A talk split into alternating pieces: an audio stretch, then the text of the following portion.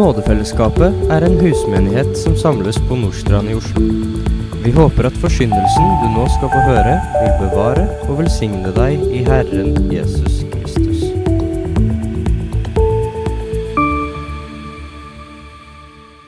Jeg har kalt dagens tale 'En tro for vår tid'.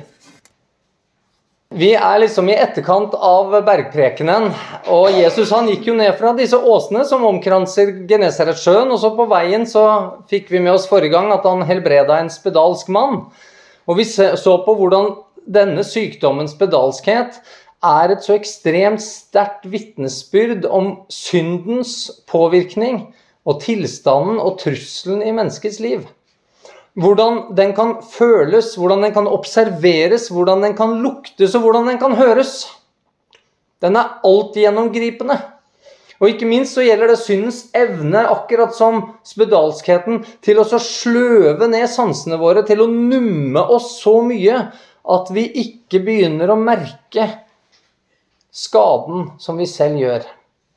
Og Når synden den får tak, så innebærer det at mennesket lett faktisk begynner med selvskading. Man begynner å skade seg selv, og så legger man ikke merke til det selv om man lager dype sår, både fysisk på en måte, men også ikke minst emosjonelt, både hos seg selv og andre. Man, man legger ikke merke til sin egen ondskap.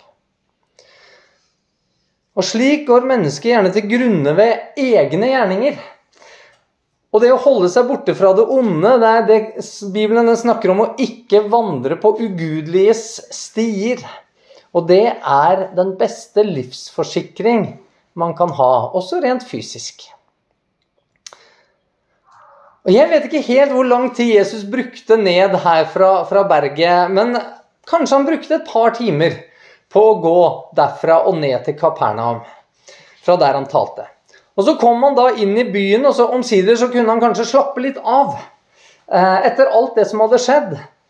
Og jeg i hvert fall kjenner det når jeg ønsker å, å forkynne inn igjen og tale profetisk inn i vår tid, så kan jeg kjenne at det, det, det koster mye. Det, det, er slitsomt. Jeg blir veldig utlada av det. Og jeg kan innbille meg i hvert fall at Jesus òg, etter en sånn tale med masse folk og masse helbredelser og denne spedalske og huh, Mye hadde skjedd at Jesus var sliten. Og Likevel så måtte Jesus altså forholde seg til mer folk og flere menneskers behov før hvile ble mulig. Da han gikk inn i Kapernaum, kom en høvedsmann til ham, ba ham og sa, Herre, tjeneren min ligger verkbrudden hjemme og har store smerter. Byen Kapernaum den fins jo ikke lenger. Det er bare ruiner der. Vi har jo nylig i familien vært og fått lov til å se på det. og Der er det jo bare nå ruiner av en synagoge og noen få hus. Litt grann av en bymur, muligens, du kan skimte og sånn. Og på en måte er det litt merkelig at denne byen ikke fins mer. Fordi at denne plassen er egentlig utrolig fin. Det er en fin plass å bo. Det er en fin plass å ha en by.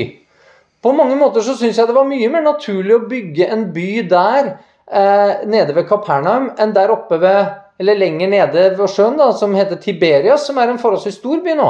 Der er det veldig bratt ned til vannet, og, og i det hele tatt ved Kapernaum så var det litt flatere. Det var, ja, det var, var veldig fint der. Men Kapernaum ligger i ruiner i dag. Og det er et vitnesbyrd for oss om hva manglende tro fører til. Og Det kan vi lese om i Matteus kapittel 11, hvor Jesus sier Og du, Kapernaum, som er blitt opphøyet like til himmelen, like til dødsriket skal du bli nedstøtt. Byen var et senter for Jesus sin virksomhet. Og så fikk den oppleve så voldsomme under, store ting som fikk lov til å skje.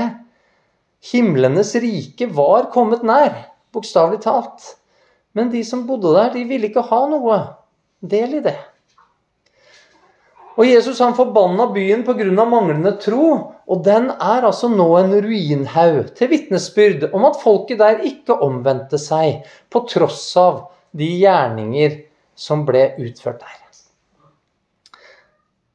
Så møter vi i dagens tekst derimot en som tror. Og det er en som ikke var jøde. Og hadde folk i Kapernaum vært som han som vi møter i dag, så tror jeg byen fortsatt hadde stått. Da kunne vi gått der og sett på den byen slik den var blitt i dag. Og denne mannen var en romersk høvedsmann. Og Ordet høvedsmann det er en gammel norsk betegnelse på en leder av militære avdelinger, eller sjef på befestninger. Og Den engelske oversettelsen bruker den romerske betegnelsen centurion, og det gir oss egentlig litt mer kontekst å gå etter. Den romerske hæren besto av legioner. Og En legion hadde rundt mellom 5000 og 6000 menn. Og der var soldatene delt inn i såkalte kohorter. Det var ting vi lærte om under Alle har lært om kohorter nå under pandemien. Og disse var igjen delt inn i senturier, og hver senturie var på 100 soldater. Kohortene var på rundt 500. Så hadde vi nok kunnet samles 500 i disse kohortene under eh, pandemien, så hadde ikke jeg klaga så mye, men det var vesentlig mindre enn det. Men en centurion det var en utrolig viktig mann i den romerske hæren. Det var lederen for en gruppe altså på 100 soldater. Eh, og det var altså centurionen sin oppgave å opprettholde disiplin og kampmoral. Og Det betyr at en centurion han kunne være en svært hard mann. Og han hadde bevist sine evner i reelle kamper. Han hadde bevist at han beholdt roen, at han hadde disiplin, og at han hadde kommando også når livet sto på spill. Den fremste centurion han ville ofte også delta på møter med høyere offiserer for å bestemme strategien for en hel legion sin måte å gå til krig på når det var slag. Og Disse senturionene det var menn som ofte var hata av jødene fordi de var jo okkupanter. Men også fordi at senturioner, som altså var en lavere offiser, om du vil, da, de var gjerne rekruttert av romerne fra lokalbefolkning. Og denne mannen kan altså ha vært en samaritan, kanskje. Muligens så kom han fra Dekapolis-landene, som lå på andre siden av, eh, av sjøen fra Kapernaum. Så der drev de på med mye svinehold, vet vi, fra en annen historie fra Bibelen osv. Det var i det hele tatt mennesker som sannsynligvis Dette var ikke en jøde, men det var samtidig en mann som kanskje var fra folk som bodde veldig nært innpå jødene. Og det gjorde at hatet mot de gjerne var enda større, for i tillegg til at de var okkupanter, så ble de regna som forrædere mot sitt eget folk. Men denne senturionen må ha vært annerledes. Og det kan vi forstå allerede innledningsvis, fordi han har omsorg for en av sine tjenere, står det. Og Leser vi i parallellteksten i Lukas, så bruker han ordet 'dolos', og det betyr slave. Så vi har å gjøre med en slave Eh, til denne senturionen, som altså var veldig alvorlig syk. Romernes tanker om slaver det er ganske godt beskrevet. Jeg kunne ha vist til ganske mange kilder for det, men jeg kan henvise til et par stykker. Det er En som heter Gaius. Han var lovekspert i Romerriket. Og han skrev at makten over slavens liv og død lå i slaveeierens hender. En slaveeier kunne altså gjøre akkurat det han ville med han. Om han slo han i hjel, så var det han, i hans fulle rett. Han ville ikke bli hva skal vi si, stilt for noen domstol for det. Forfatteren Varro han skrev at den eneste forskjellen mellom en, vogn, et dyr og en slave, det var at slaven kunne snakke. Med andre ord, det ble sett på som et verktøy som du kunne altså, bruke og kaste etter ditt eget forgodtbefinnende. Men denne mannen som vi møter i dag, han synes ikke å ansette sine slaver på denne umenneskelige måten. Han hadde omsorg for denne slaven som ut fra ordet som i Matteus der oversatt med tjener, synes å altså ha vært et lite barn. Så denne slaven var et lite barn.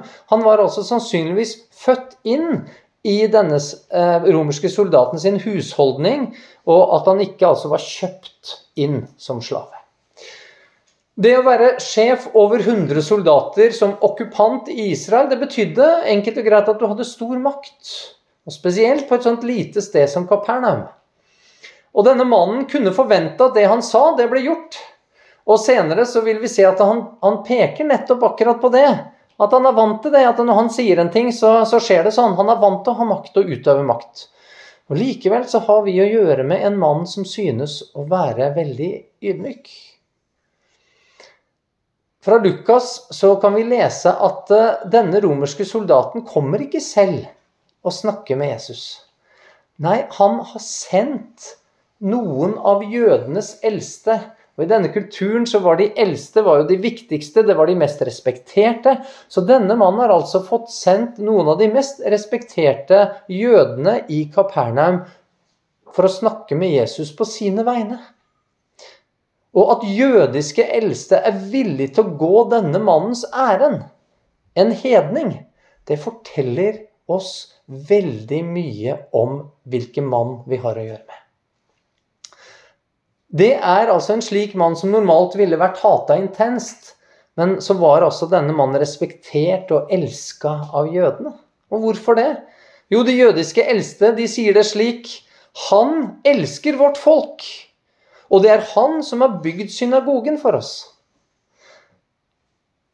Vi forstår at dette må ha vært en troende mann. En mann som brukte faktisk av sine egne midler, sine egne penger, for å bygge en synagoge for at jødene kunne få drive sin gudstjeneste, sin opplæring, sin skoledrift, sin utdanning. Mye skjedde i synagogene. Og Lukas han skriver at tjeneren var døden nær, og at høvedsmannen satte denne tjeneren meget høyt. Og det undra meg litt hvordan kan altså denne mannen sette et lite barn veldig høyt? Jeg mener, hvor mye kan egentlig et lite barn bidra med da, som tjener? Hvor, hvor viktig kunne han være? Hvor mye kunne han ha faktisk jobba og fått bety noe inn i denne mannens liv som et lite barn? Nei, det vet vi jo ikke.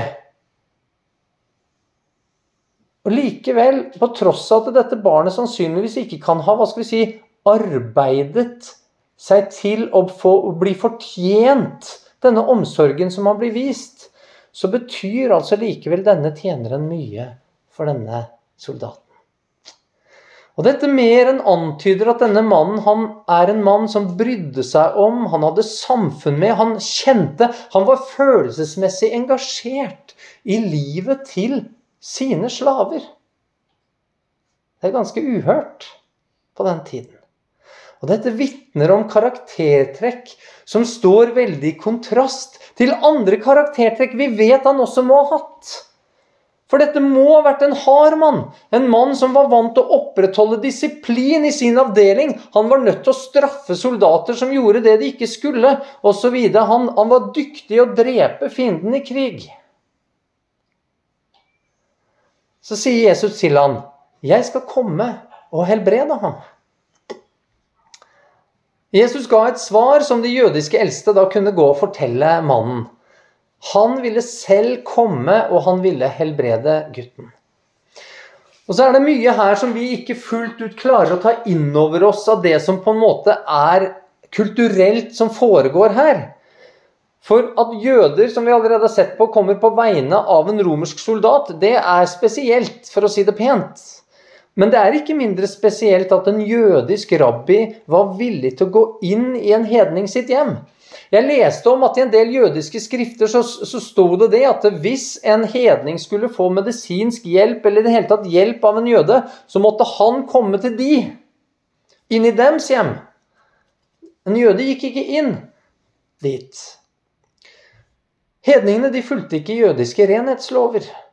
Og Jesus han ville altså bli ansett som seremoniell uren etter loven ved sin villighet til å gå inn og helbrede denne gutten. Det ville altså medføre at han måtte gå igjennom renselsesritualer, altså masse ekstraarbeid. For en som allerede hva skal vi si, hadde en forholdsvis viktig jobb å gjøre på denne jorda. Faktisk den viktigste jobben som noen noensinne har gjort. Og så er Jesus likevel villig til å gå inn der og vite at nå må jeg, ved at jeg gjør det, gjøre masse ekstraarbeid som på en måte hindrer meg fra å gjøre det som er mye viktigere, i anførsel. Det sier litt, det. Og jeg tror det derfor ikke er noen tilfeldighet at dette er den andre helbredelsen vi kan lese om i Matteus. Etter at Jesus helbreda den spedalske da, som bilde på synden, så var han villig til å gjøre seg selv uren for også å helbrede hedninger. Er det ikke et vakkert frempek på verdens frelse som ligger her? Men høvedsmannen svarte og sa, Herre, jeg er ikke verdig til at du går inn under mitt tak. Jesus han hadde nå begynt å gå mot denne høvedsmannen sitt hus sammen med jødenes eldste og folkemengden som garantert fulgte etter. Men denne senturion han er altså en så ydmyk mann. Han, han føler seg ikke verdig til at Jesus skal komme inn til han. Er det bare fordi han ikke er jøde at han føler det slik? Jeg tror at det vitner om at denne mannen visste at han var en synder. Han var kjent Guds lov, og han visste at han ikke hadde klart å holde den. Han var også sensitiv overfor Guds bud. Og han hadde respekt for både den kulturelle og den religiøse utøvelsen og for skikken og bruken blant jødene. Det er, nesten som et liv som du kunne henta ut ifra hvordan Paulus tenker rundt teologi, om hvordan vi skal oppføre oss. Og alt dette skjer til tross for at han hadde jordisk makt til å kreve. Men han krever ingenting. Han spør, og han spør ydmykt. Og Lukas han skriver Men da han ikke hadde langt igjen til huset, altså Jesus, sendte høvedsmannen noen venner til ham og sa, 'Herre, gjør deg ikke umak.' Denne soldaten hadde ikke bare omtanke for sin tjener, men her viser han faktisk omtanke også for Jesus. Hvor mange er det som gjør det av de menneskene vi leser om som Jesus møter i Bibelen? De er stort sett ute etter å få noe av Jesus, og mange av de kommer ikke tilbake igjen for å takke engang. Men denne mannen er radikalt annerledes. Han visste at det ville være umakt, det ville være på godt norsk stress for Jesus å komme inn i hans hus. Han kjente de jødiske forordningene og renhetskravene, og han viser respekt for dem. Men mye, mye mer enn det, og viktigere enn det, så viser han respekt ovenfor den Gud som har gitt forordningene og kravene.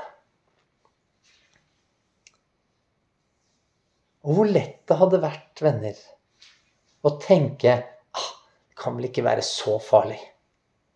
Altså, Tross alt, denne saken handler om liv og død.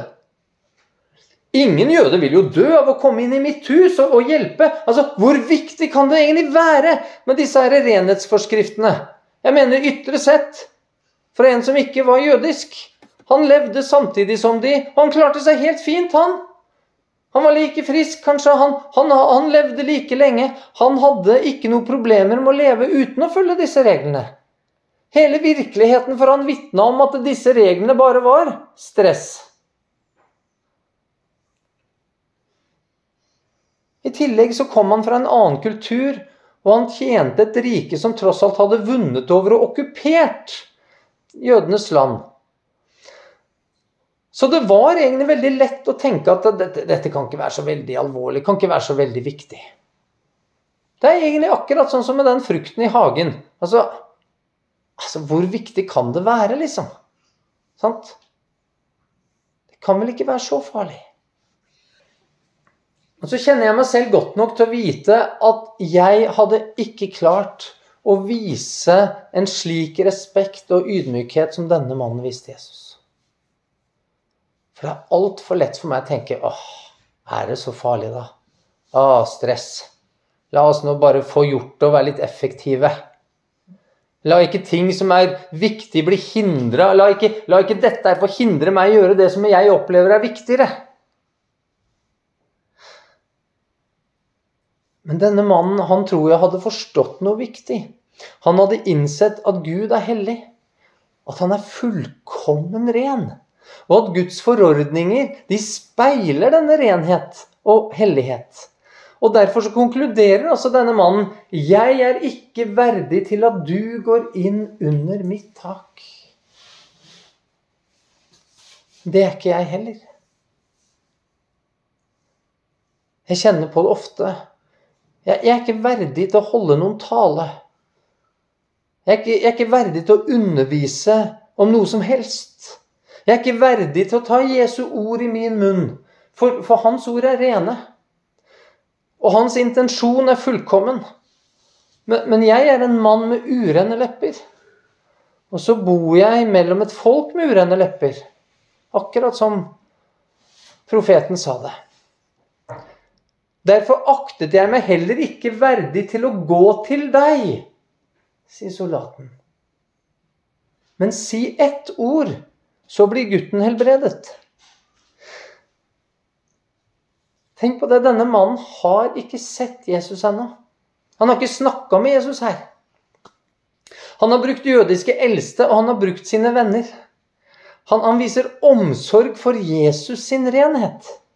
Men det stikker dypere for han, for han følte seg ikke engang verdig å tale med Jesus selv direkte. Eh, og det ville jo ikke gjort Jesus uren. At han møtte han på gata og talte med han.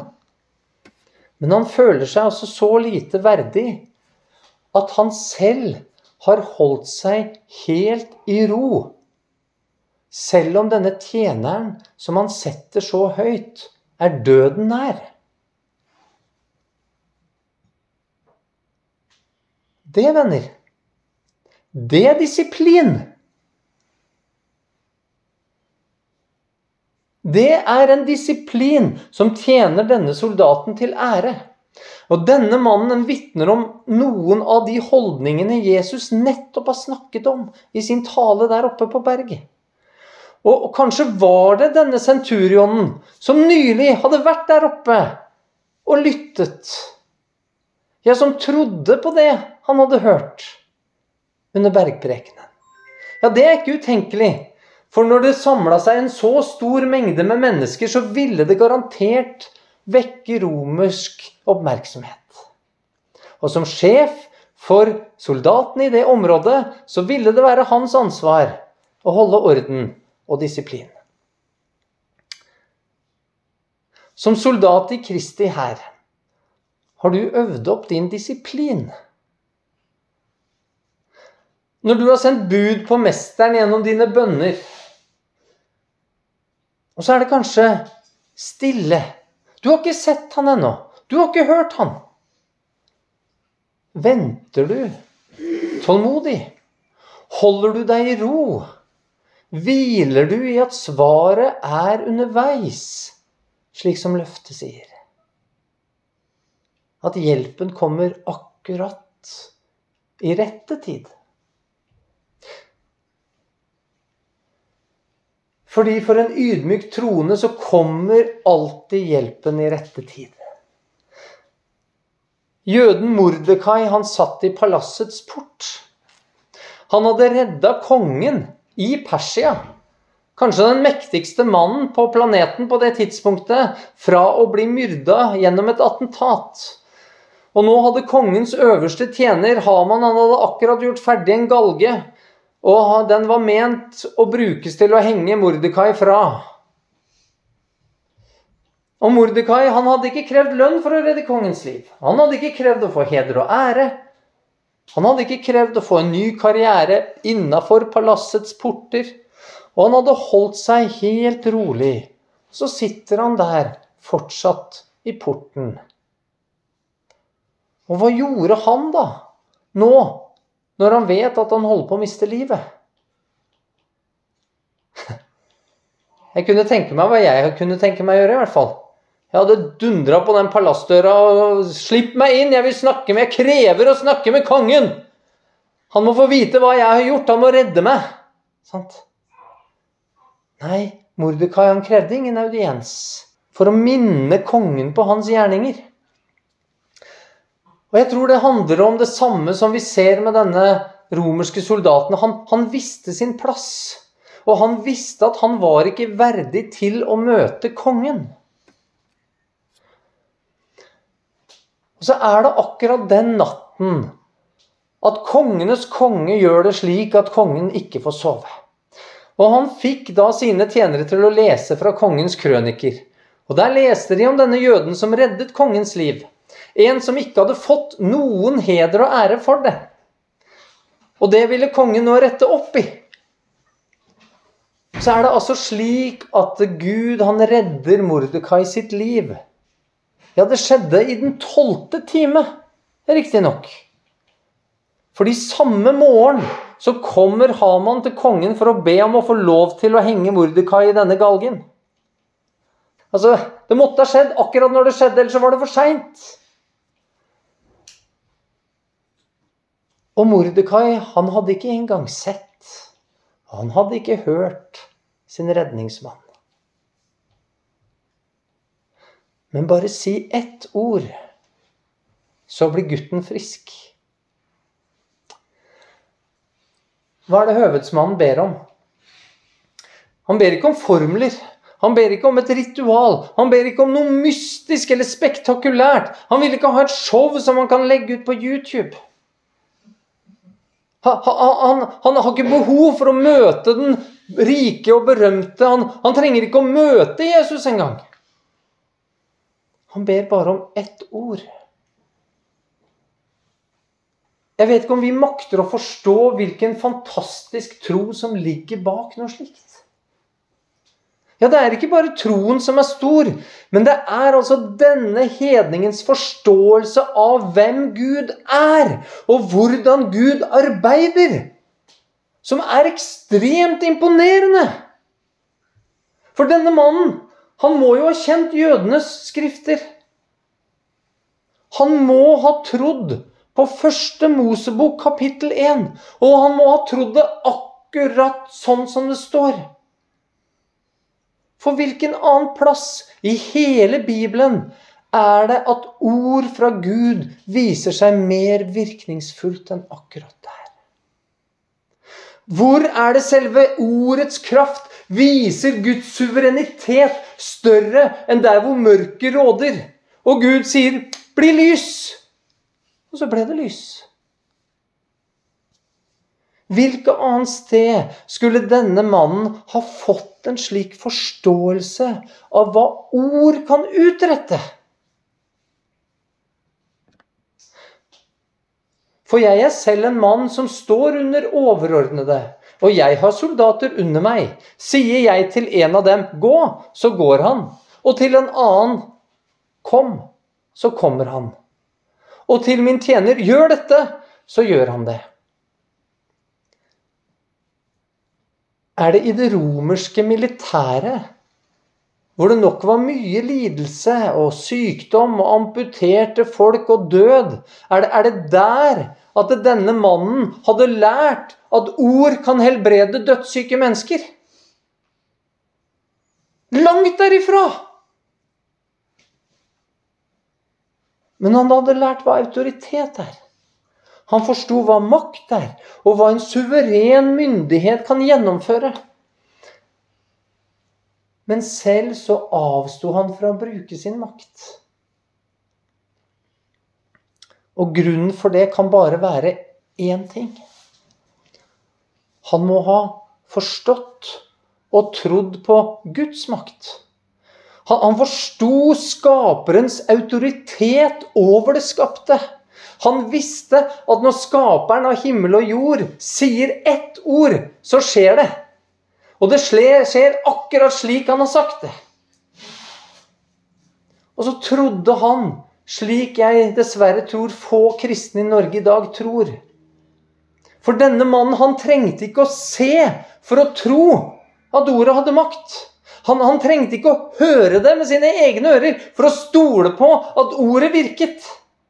Han trengte ikke andre menneskers ord om noe de heller ikke hadde sett, for å gjøre seg opp en mening om dette kunne stemme. Eller om hva dette ordet egentlig utretta en gang.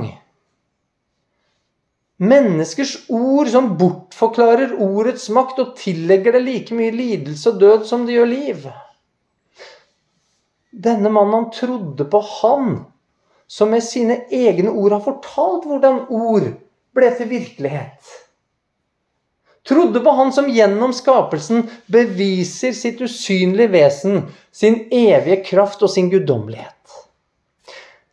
Og slik kunne han tro at bare ett ord fra Han kunne gjøre gutten frisk. Da Jesus hørte dette, undret han seg og sa til dem som fulgte ham, 'Sannelig sier jeg dere' ikke hos noen i Israel har jeg funnet så stor tro. Jeg tror ikke du trenger å innbille deg at Jesus undra seg fordi han var overraska over det mannen sa. For Jesus han kjente hans hjerte. Men to ganger i dagens tekst så kaller denne mannen Jesus for Herre. Og det vitner om at det er snakk om mye mer enn en høflighetsform når denne mannen tillegger Jesus sitt ord samme autoritet som han som sa 'bli lys'. Denne mannen han kjente jødenes tro, og han trodde det som altså jødene i Kapernaum ikke trodde. At Jesus var Herren Gud med den autoritet og makten som det innebar. Og så undra det Jesus, som det også kan undre meg, at en som ikke hadde hatt tilgang til dette ordet i tusener av år, en som var en hedning, kunne ha forstått dette. Når hans, folk, når hans eget folk var så trege til å tro på tross av alle disse kraftige gjerningene. Og Jesus han sier altså videre i Matteus 11 om Kapernaum For dersom de kraftige gjerningene som er gjort i deg, var gjort i Sodoma, da var den blitt stående til denne dag.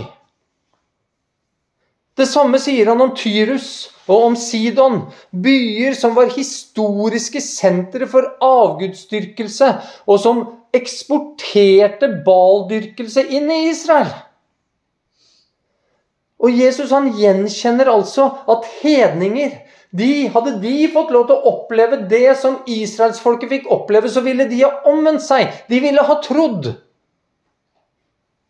Akkurat som denne romerske soldaten som vi møter i dagens tekst. Ja, om Jesus gikk dit og gjorde det han gjorde i Kapernaum og Korasin og Betsaida alle byer som ikke trodde, og som i dag ligger i ruiner. På grunnlag av dette fantastiske vitnesbyrdet fra denne mannen, og det frampeket hele historien vitner om i forhold til frelse av hedninger, så sier Jesus Men det sier jeg dere, mange skal komme fra øst og vest og sitte til bords med Abraham, Isak og Jakob i himlenes rike. Og så får vi lov til å sitte her i dag som troende hedninger. Levende bevis på at ordet har kommet inn til oss, selv om vi ikke er verdig til det. Ikke var verdig til at Herren skulle stige inn i våre hjerter, eller være iblant oss når vi er samlet i Hans navn. Men det er alvoret som følger synes også gjelde oss i vår tid, for Jesus han sier videre Men rikets barn skal kastes ut i mørket utenfor. Der skal de gråte og skjære tenner. Det folket som hadde fått ordet, trodde ikke på det. De forkasta sin Messias. Og så vår sivilisasjon og folk og våre kirker som har fått ordet, og vi har hatt det like lenge som det jødene på Jesu tid hadde hatt det, hvis du regner fra Abraham. Vi utviser i dag nøyaktig den samme vantro som jødene på Jesus sin tid. Jo da, mange tror på Gud, og de vil kalle seg kristne, slik jødene ville kalle seg jøder og troende. Men når det likevel kommer til stykket, så synes det som om det er de som ikke har hatt Guds ord på samme måte som oss, som tror på ordets kraft og autoritet slik som det står, i langt større grad enn vi. Derfor så tror jeg at vi har så mye å lære av denne soldaten, for vi er blitt avhengige av å ydmyke oss. Vi, vi, trenger nåde for at vi kunne få lov til å begynne å tro som den mannen som vi leser om i dag. Han ba om ett ord. Hva var det han fikk? Jesus sa til høvedsmannen, 'Gå hjem, det skal skje deg som du har trodd.' Og tjeneren ble helbredet i samme stund. Det, det, det, er akkurat som Jesus vil vise at det til syvende og sist handler ikke om fysiske ord som, som må høres, eller, eller, at det er noe du er nødt til å ha, ha sett uttalt som menneske. For Jesus han sier ikke 'bli frisk'. Han sier faktisk ingen ord i den retningen i det hele tatt. For Jesus han setter på en måte troens innhold i søkelyset, og han avslutter med å gi denne mannen et helt fantastisk skussmål. Det skal skje deg som du har trodd. Som du har trodd. Det var altså noen ord som allerede var sagt av Gud. Noen ord som allerede viste han som suveren, som var grunnlaget for denne mannens tro. Ord han selv ikke hadde vært vitne til, men ord som han kjente igjen når han begynte å høre Jesus tale. Og så er det ikke intensiteten i denne mannens tro det handler om. Det er ikke styrken i hans overbevisning eller hvor sterke hans følelser rundt det var, heller. Det er hva mannen har trodd, som er viktig. Det er det innholdet i troen. Det er hva troen hviler på. Og denne mannen, han trodde på kraften i Guds ord. Den, den, kraften vil aldri få gå. Og så er den akkurat den samme i dag. Og den kan utrette helt utrolige ting i ditt liv nå, i dag. Om du som han tror på hva ordet tidligere har utretta. Det som du selv ikke har fått se, det som du ikke har fått høre sånn direkte. Om man ikke tror på ordene som Moses skrev ned om hva Gud sa, så vil du heller ikke tro på Jesu ord. Det er Jesus sitt eget vitnesbyrd. Og det er sant. Når du tror, så kan du få lov til å hvile i hva dette ordet også vil utrette i framtida. Også de gangene hvor du kan oppleve at Gud periodevis er stille så kan du få lov til å hvile. Fordi at redningen, den kommer. Selv om den ikke skulle komme før i den tolvte time.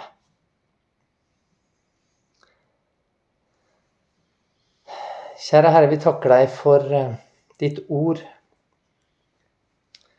Vi takker deg for at det har vist seg så virkekraftig helt fra begynnelsen. Og at nettopp det kan Gi oss en trygghet på at vi kan få lov til å stole på, Herre, at selv der du ikke ytrer et eneste ord i en retning, så skal det skje oss slik vi har trodd. Og Herre, gi oss nåde til å tro. Til å tro at det er kraft i ditt ord til å sette oss fri fra slaveriet, fra synden og fra dødens makt. For Herre, vi er alle som denne lille gutten, denne slaven, vi er døden nær. Og vi trenger også, Jesus, at du kommer inn og vekker oss til live. Om ikke annet så på den ytterste dag, når du kommer. Og Herre, så vet vi at vi kan få lov til å hvile i det håpet nettopp fordi du er oppstått. Graven, den er tom. Og vi kan tro det enda mer fordi du var villig til å lide og dø og gjøre deg umak. Også for en uren hedning mens vi ennå var fiender av deg. Og hvor mye mer, Herre, kan vi da stole på at nå som vi er blitt forlikt med deg, så kan vi hvile i nåden som du har vist oss. Amen.